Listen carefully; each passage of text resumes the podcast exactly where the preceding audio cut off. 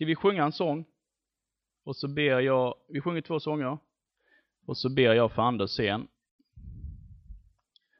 Så är vi igång. ska höras mer. Sådär, låt det här få vara mellan dig och Gud. Att det får ropa från djup till djup.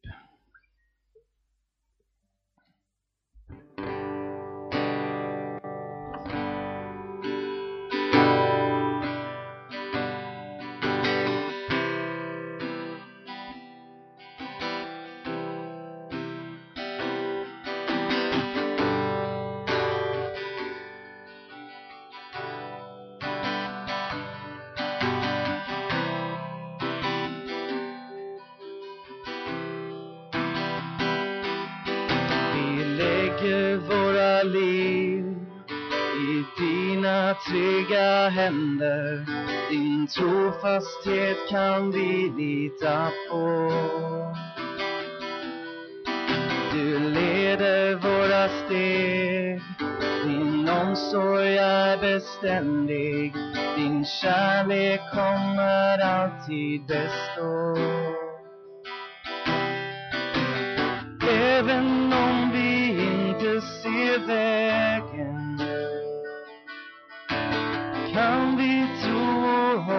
hoppas på dig. Allt som du har sagt, allt som du har lovat kommer att ske.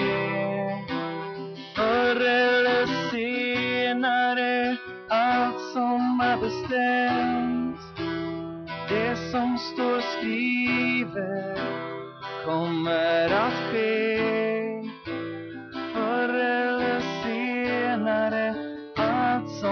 du har sagt.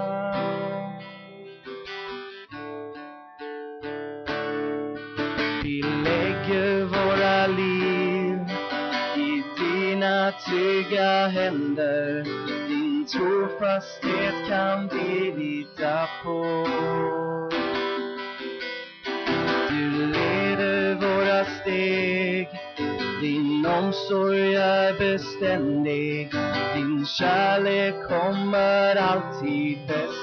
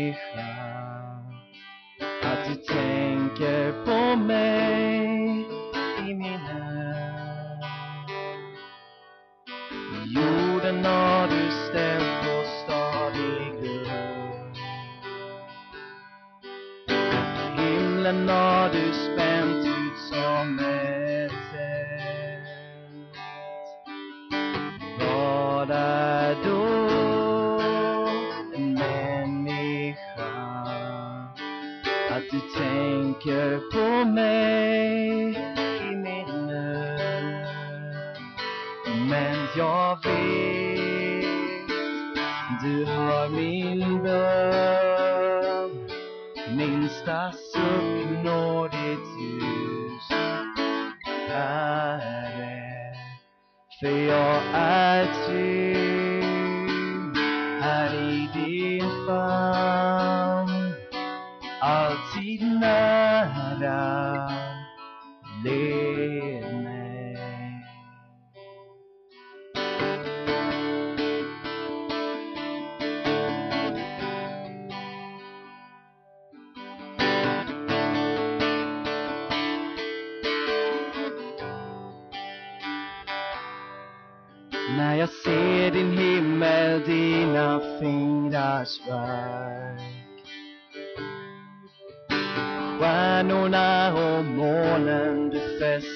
där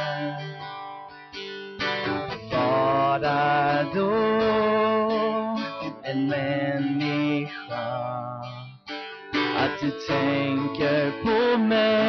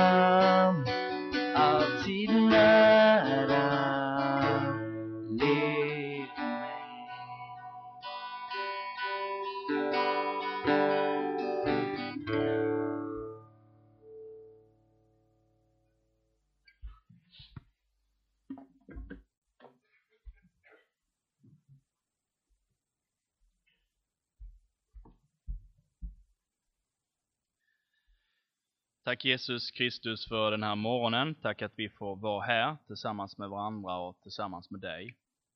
Tack Jesus att Anders är här. Vi ber Jesus att du får tala till oss genom honom, det som är från dig. Vi ber att du bär honom och hjälper honom och ger honom allt det han behöver den här stunden. Kom du helige Ande. Kom helige Ande.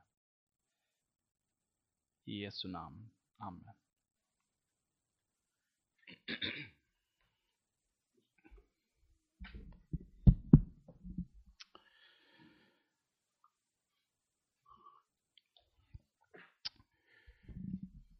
Jag tänkte börja med lite reklam idag.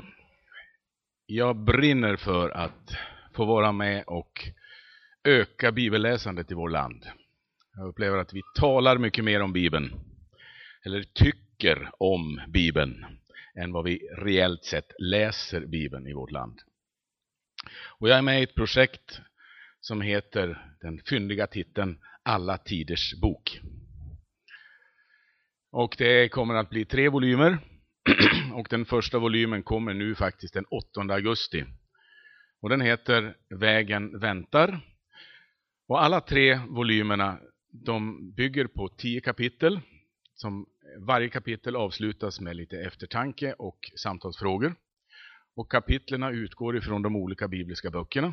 Hela projektet syftar till att hjälpa bibelstudiegruppen, bönegruppen, samtalsgruppen, alfagruppen, ja, den lilla gruppen i den kristna församlingen att mötas omkring Gudsordet och få något för både hjärna och hjärta. Alltså inte bara hjälp till tänkandet utan också hjälp till livsbearbetningen i, i, i mötet med, med Gudsordet.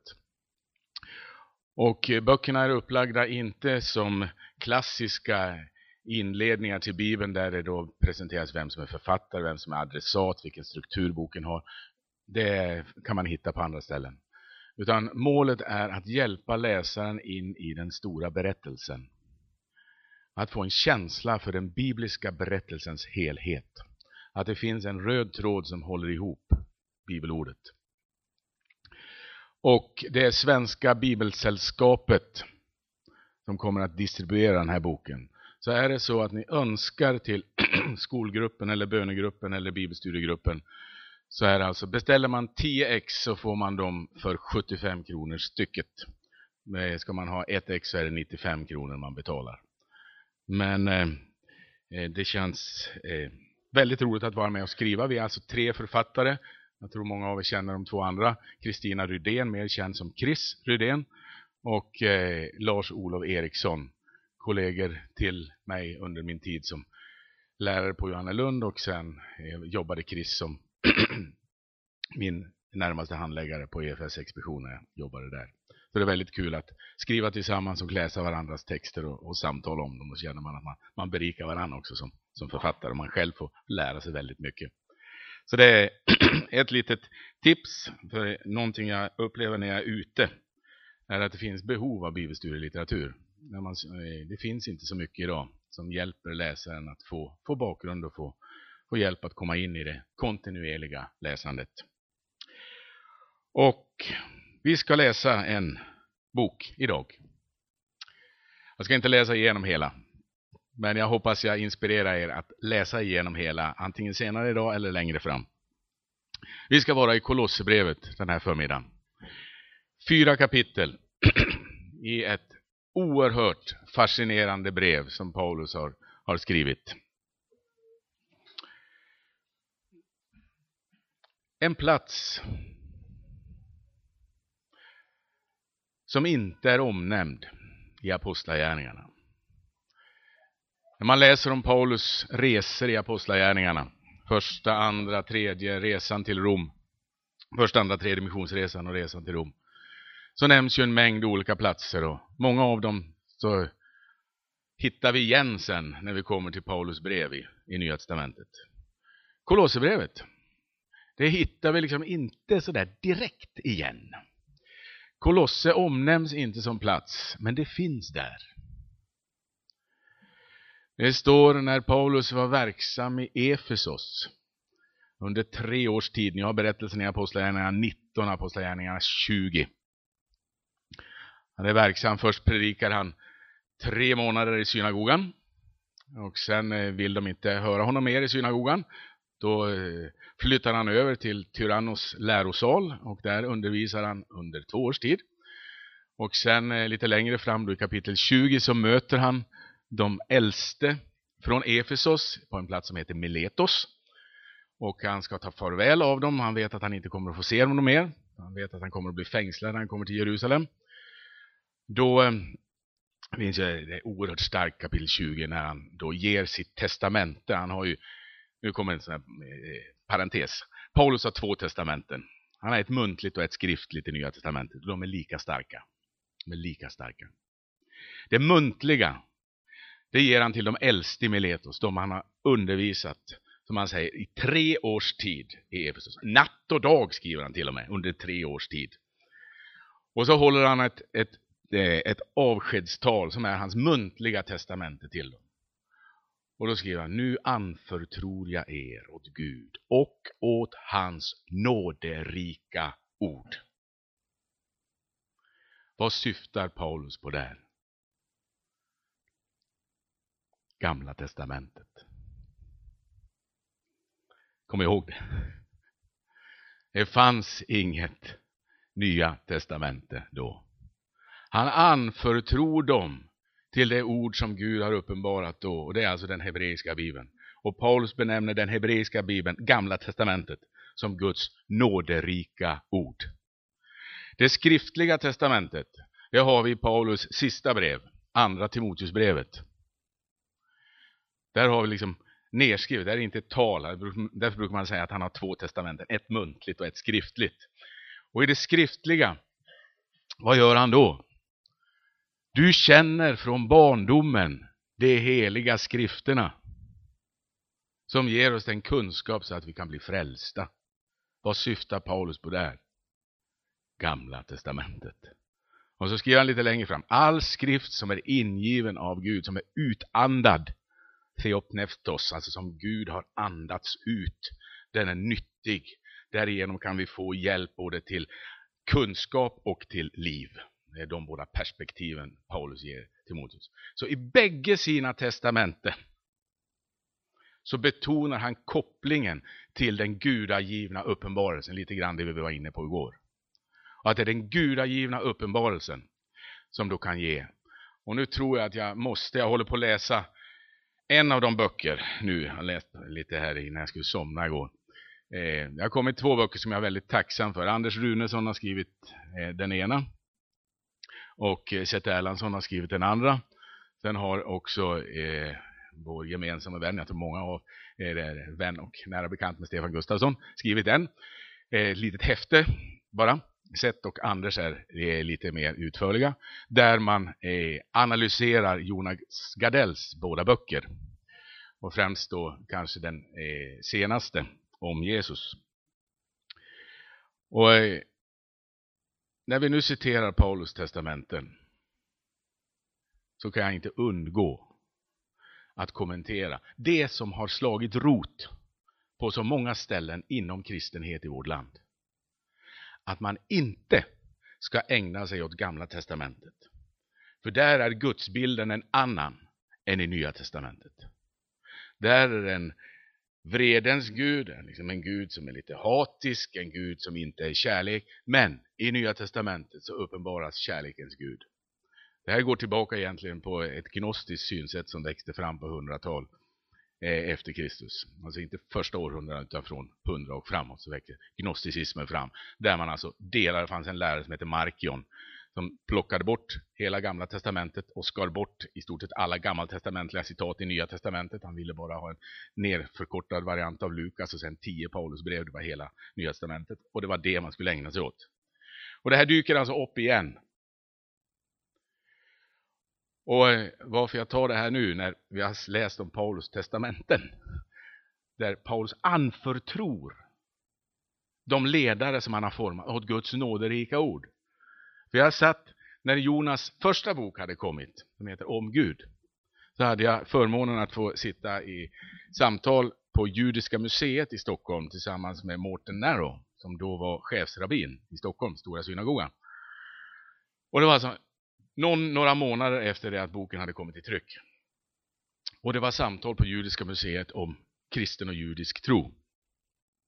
Oerhört berikande. Jag min kristna tro har växt och fördjupats oerhört mycket måste jag säga i mötet med den judiska tron. Och det finns oerhört många judiska rabbiner som jag mött som har fördjupat min förståelse av Nya Testamentet väldigt mycket. Och eh, så jag är oerhört tacksam för de samtalen och går väldigt gärna in i de samtalen. Och då har alltså Mårten precis läst Jonas Gardells bok. Mårten ska ni komma ihåg, han har ju då inte vårt nya testamente. Han har bara den hebreiska bibeln som sin bibel och det är ju vårt gamla testamente. Och så säger Mårten, jag förstår inte när jag läser Jonas bok. För där talar han om gamla testamentets Gud som en vredens Gud. Och det är ju den Gud som uppenbaras i min bibel, för det är ju den hebreiska bibeln. Och så säger han så här, när jag läser min bibel, alltså den hebreiska bibeln, så möter jag inte en vredens Gud. Och så är det Mårdens ord. Jag möter en nådens Gud. Jag har inte hört någon mer slagkraftig kritik av Jonas bok än den. För jag själv i samtal med andra trosutövare försöker, ber om att alltid få ha en grundhållning. Och den grundhållning jag både ber om och strävar efter att ha, det är att den människa som är av en annan åsikt än jag är, alltid ska ha rätten att definiera sig själv. Jag vet att jag har svagheten, och många med mig, att först definiera min motståndare och sen bemöta det. Men då bemöter jag inte min motståndare eller min och, eh, och, eh, meningsmotståndare alltså. Utan då bemöter jag ju min förförståelse av min meningsmotståndare. Och om det ska uppstå ett verkligt samtal så behöver jag först sätta mig ner och lyssna på han, hon som inte tycker som jag. Så jag verkligen kommer åt, vad är det han, hon tycker? Och det är helt tydligt att här skulle den judiska trostolkningen av Gamla Testamentet behövs lyssnats betydligt mer på av Jonas när han skrev. För han har skrivit den på näsan, en hel del som de inte står för. Och sen är vi ju många som i förlängningen också säger att vi ska inte bara läsa Nya Testamentet. Vi ska läsa Gamla och Nya Testamentet tillsammans. Därför att det finns en röd tråd. Och tar du bort Gamla Testamentet bara som en liten bild. Direkt så ryker halva Hebreerbrevet och halva Uppenbarelseboken bara försvinner om du tar bort Gamla Testamentet. Snudd på halva texten i Hebreerbrevet och Uppenbarelseboken är citat eller anspelningar på Gamla Testamentet. Skulle du säga att det här inte det skulle bara bli vitt i Hebreerbrevet och Uppenbarelseboken. Tjong, tjong! Bara borta. Och sen mycket annat också. Så det är faktiskt en bibel, men det är två tydliga delar.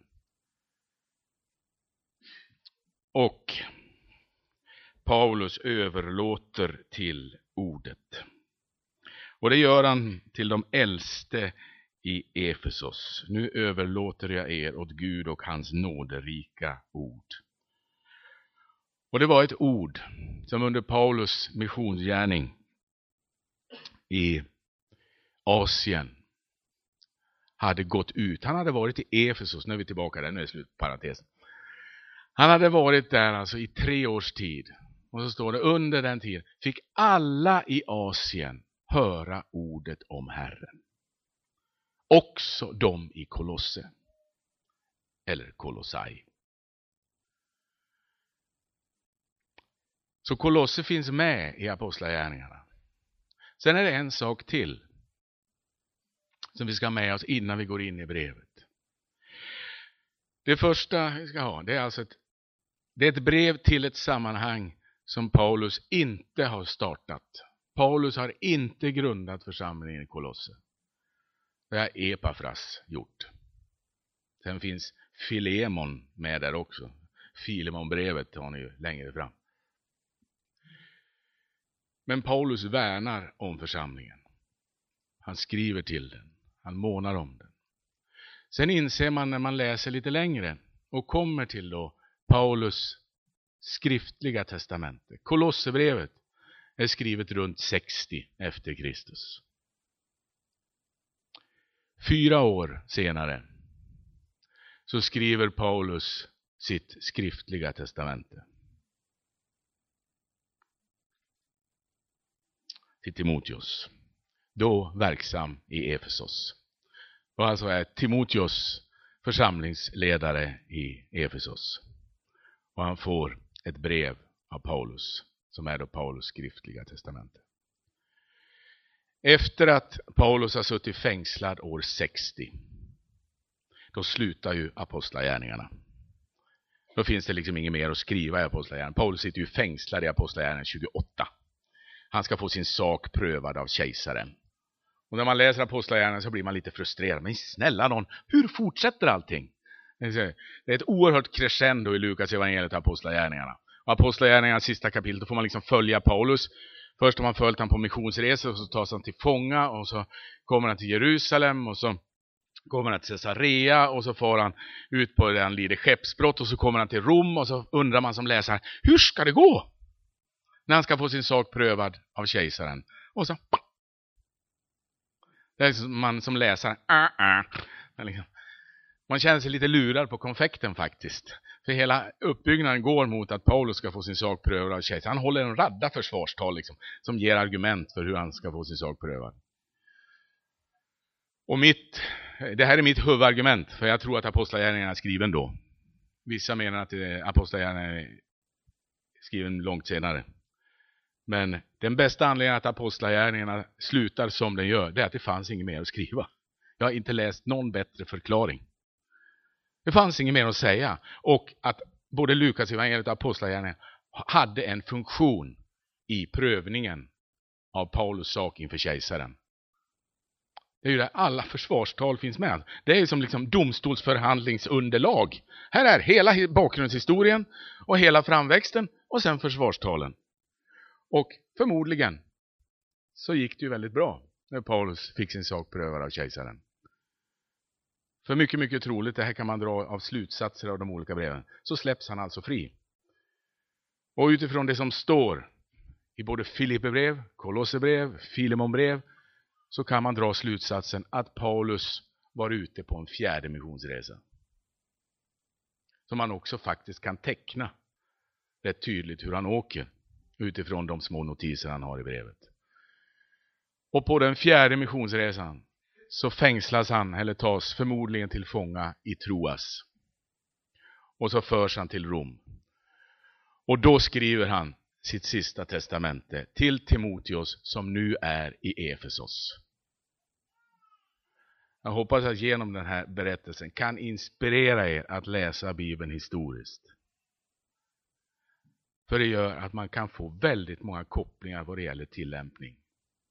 Vi kan alltså följa det historiska skeendet i Paulus liv och säga, det var då han skrev Kolosserbrevet, situationen var så här. Det var då han skrev andra Timoteusbrevet, situationen var så här. Och därför gör han de betoningar han gör. Och i andra Timoteusbrevet, som han alltså skriver när han är fängslad andra gången i Rom. När han är fängslad i Apostlagärningarnas slut. Så då får människor besöka honom. Han hyr egen bostad. Det är en rätt smidig fångenskap. Han har en romersk vakt hos sig. Men i övrigt lever han rätt fritt. Det är ungefär, vi kan väl jämföra med fotboja idag eller något sånt där. Elektronisk fotboja som fångar kan, kan få. När han är i den andra fångenskapen, 64, så är det tufft. Och det är nu man ska fundera på Efesos och Kolosse och Asien. Paulus var verksam tre år i Efesos. Man tog handkläden och förkläden som hade varit i beröring med Paulus kropp, la dem på de sjuka och de blev friska. Alla i Asien, alltså genom Epafras, genom att han for hem till Kolosse, så fick de också i Kolosse höra ordet om Herren. Fyra år efter att Paul har fått sin sak prövad av kejsaren så är han tillfångatagen igen. Nu står han inför rätta en gång till. Och så skriver han till Timoteus så här. Som du vet har alla i Asien övergett mig. Och så skriver han också. När jag första gången stod inför rätta så trädde ingen upp till min hjälp utan alla svek mig. Asien. Det var där Paulus hade varit verksam i tre års tid. Kolosse var en del av Asien som Paulus hade brunnit för. Han hade aldrig grundat församlingen, men han brann och som vi ser, han skriver till dem för att han vill förankra dem i Guds ordet. När han nu står inför rätta så tvingas han skriva till Timoteus. Ingen från Asien stod upp för mig. Alltså det är något oerhört tufft vi har när vi läser det historiskt. Och så skriver han till Timoteus där i sitt andliga testamente, sitt skriftliga testamente. Skäms inte för evangeliet, utan lid du också.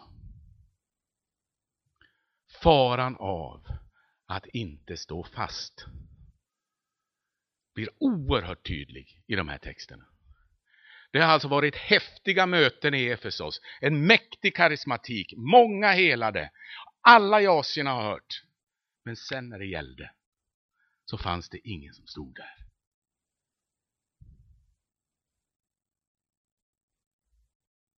När Paulus har uppmanat Timoteus, Skäms inte för evangeliet. Jag har funderat vansinnigt mycket på den där formuleringen. Paulus har den i några av sina brev. Han konstaterar också, men jag skäms inte, Det är romabrevet. Eh, Varför säger Paulus så? Ja, det, det finns ju egentligen bara ett svar. Det finns en fara att skämmas för evangeliet. Annars skulle Paulus inte behöva säga det. Det finns en fara att stå tillbaka för det här. Nej, det behöver inte vara så definitivt att det bara är en väg. Nej, nu ska vi inte överila oss. Evangeliet säger att det finns bara en väg. Det finns bara en väg till evigheten och det är genom Jesus. Och där är den helt öppen och det är det glada budskapet mot sorgeburet. Att det är kört för oss alla. Men det är så lätt, nej men var och en har nog sin egen väg ändå. Och Paulus är nog lite överilad, han står nog på sig lite för mycket. Nej, säger han till Timoteus, skäms inte. Stå fast. Och så skriver han, för evangeliets sak. Därför måste jag utstå allt detta. Det är i andra Timoteusbrevet kapitel 1 ni har det här. Men jag skäms inte. För jag vet på vem jag tror. Och jag är viss om att det står i hans makt att bevara det som jag har fått mig anförtrott ända fram till den dagen. Hör ni, den här versen har jag stavat på väldigt ofta. Därför måste jag utstå allt detta. Varför då? Därför att Kristus har fått mig i sitt grepp. Och jag är beredd att ta stryk. Men så säger men jag vet.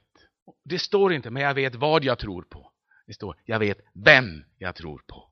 Här har ni relationen igen. Och jag är viss om att det står i hans makt att bevara det som jag har fått mig anförtrott ända fram till den dagen. Alltså vad, vad, såg Paulus när han sitter där i cellen i Rom 64? Han såg ingenting. Han hade ingen dator och kunde inte slå upp hur många omvändelser det var idag över världen. Vilket vi kan göra väldigt snabbt. Det är bara att googla på det så har vi det. Så här många människor har vänt om till Jesus idag. Han såg nada. Och ändå säger han, men jag vet vem jag tror på. Och jag är viss om att det står i hans makt. Och vi kan väl ge Paulus rätt. Vi är 2000 år senare och vi sitter här idag. Evangeliet är bevarat i världen. Men att våga ta det här patos som finns hos Paulus och låta det bli ett tilltal in i vår värld. Både att brinna för det där sammanhanget som vi ska se Kolosser, som är väldigt lite Kolosser, det låter som det är jättestort. Och det, ordet koloss har faktiskt sin bakgrund här. Det, det var en jättestor stad. Låg eh, i krysset mellan den nord-sydliga handlingsvägen och den östväg, eh, via Ignatia. Den som gick alltså från Rom och hela vägen mot, bort emot det som idag är Iran och Irak, Persien. Och Kolosser låg där alltså och blev ett, var ett jättecentrum. Sen hade man flyttat den nord-sydliga vägen till Hierapolis. Och Kolosser hade sjunkit ihop och blivit liksom en, ja, som en, en järnvägsknut. Min pappa bor i Storvik, hade Europas längsta perrong ett tag som järnvägsknut. Idag stannar det återigen ett litet pendeltåg som går mellan Gävle och Falun. Det är liksom, och länge var alltihop bara nedlagt och alla perronger helt borta. Ett exempel på liksom det är en bild för Kolosse, vad situationen var i Kolosse. Och det gjorde att man fortfarande fanns efter den östvästliga vägen. Så det kom väldigt många människor igenom, men det var inte handelscentrum. Men det florerade väldigt mycket olika synsätt. Precis som i vår värld. Även om det är ett litet samhälle så finns det väldigt mycket som florerar idag. Därför att det når fram kanalerna når fram. Och människor får en andlig input av många håll som det är väldigt svårt att värdera och hantera. Och så är det i vår värld också. Vad är sant, vad är falskt, vad är rätt, vad är fel? Hur ska vi förhålla oss till det här eller det där? Det var det folk ställde i Kolosse. Och Paulus brinner för att skriva in i den situationen och värna om dem.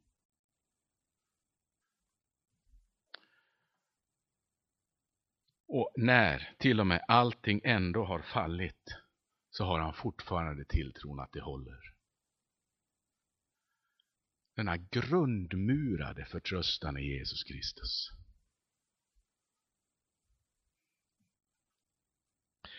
Så där har ni lite bakgrund från Paulus resor i Asien och Paulus fångenskap och bakgrunden till Kolosserbrevet. Nu läser vi de första verserna. Kolosserbrevet 1, vers 1. Från Paulus, genom Guds vilja, Kristi Jesu apostel och från vår broder Timoteus till de heliga i Kolossai, våra bröder som lever i tron på Kristus. Nåd och frid från Gud vår Fader. Det finns inget brev i Nya Testamentet som så starkt undervisar om Kristi suveränitet och Kristi tillräcklighet som Kolosserbrevet. Och om det är så, vilket jag tror att det är, är fullt övertygad om att det är, att det är sant, det Johannes skriver. I begynnelsen var ordet och ordet var hos Gud och ordet var Gud. Och lite längre fram, och ordet blev människa och bodde bland oss. Kristus är ordet från himlen. Och temat för de här bibelstudierna är ju just det.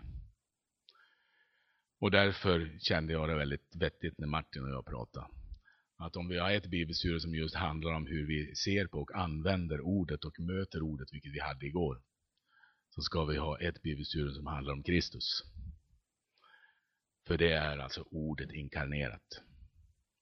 Och ordet som då leder till att syftet med hela Guds ordet kan konkretiseras och relation uppstå. Alltså för relation det är ju mellan två personer.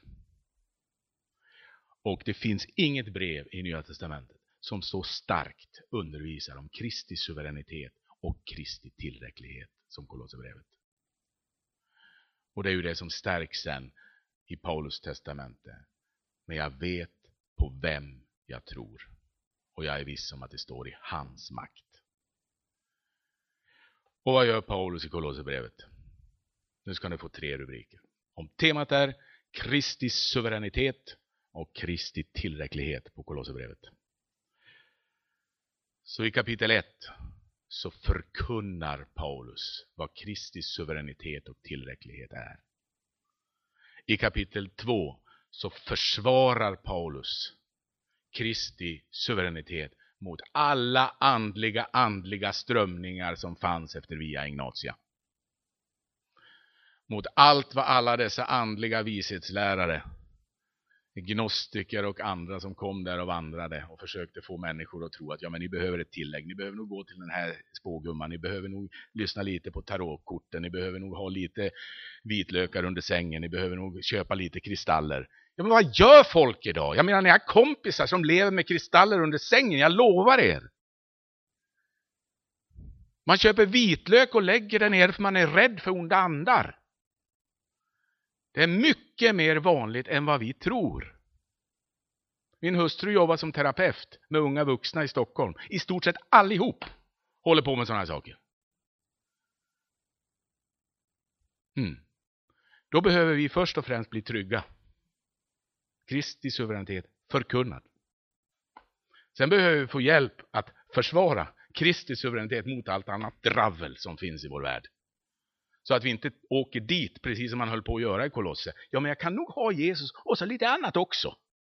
Så säkrar jag upp. Nej, pytsan. Skäms inte för evangeliet. Det är totalt. Och det är precis vad Kolosserbrevet handlar om.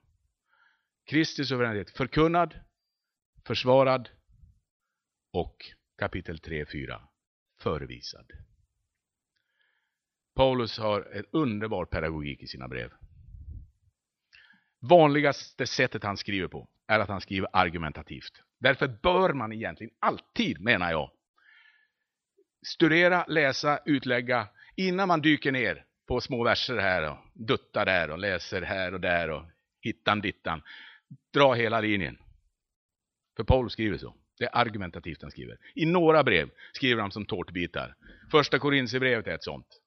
Då, då kan ni se de där brotten mellan tårtbitarna. då kan, oj, oj, nu ska jag snart ta paus eh, Då kan man liksom ta ut en tårtbit och studera den eller smaka på den och sen tar man nästa tårtbit. För i första Korintierbrevet står det typ så här, nu till det ni skrev. Och så tar han upp en fråga. Eller också står det, jag har hört berättats. Och så kommer upp vad han har hört berättat. Han liksom tar ny start. I Kolosserbrevet gör han inte så. I Romarbrevet gör han definitivt inte så. Men så har han två delar i sin argumentativa linje. Och i Kolosserbrevet så är det kapitel 1 och 2 som är den första delen och kapitel 3 och 4 som är den andra. Och på första delen i Paulus brev när han skriver argumentativt så kan man alltså sätta läran. Då går han igenom läran. Och i Kolosserbrevet så handlar det om att han förkunnar läran om Kristi suveränitet och sen försvarar han den läran mot allt annat dravel som finns i vår värld. Och sen tillämpar han läran på livet. Och det är därför 3 och 4 handlar om att Kristus suveränitet ska bli förevisad. Var då någonstans? Ja, i ditt och mitt liv. Det är vad det handlar om. Vi ska inte bli några eh, teoretiska bomber som kan alla svar.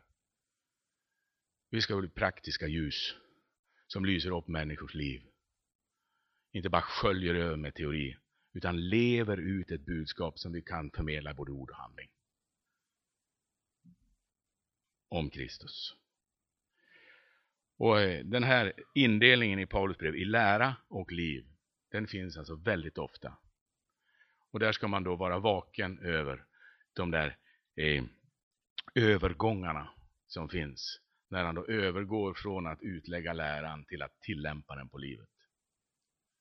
Och nu ska vi tillämpa på livet och hämta syre, kära vänner. Tio minuters paus.